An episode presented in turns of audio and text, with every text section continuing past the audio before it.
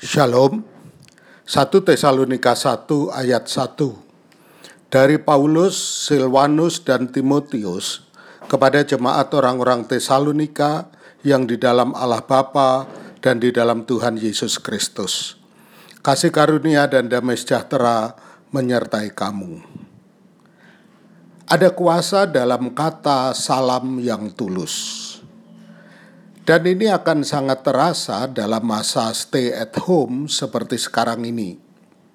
Paulus, Silvanus, dan Timotius melakukannya, memberikan salam, kasih karunia, dan damai sejahtera menyertai kamu.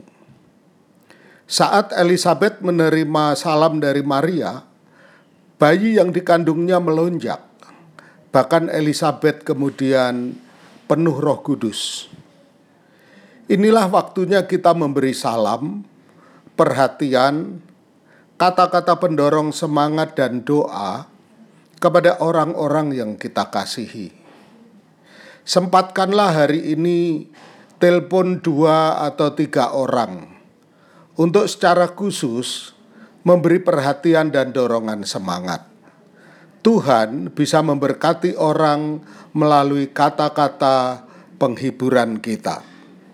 Tuhan memberkati.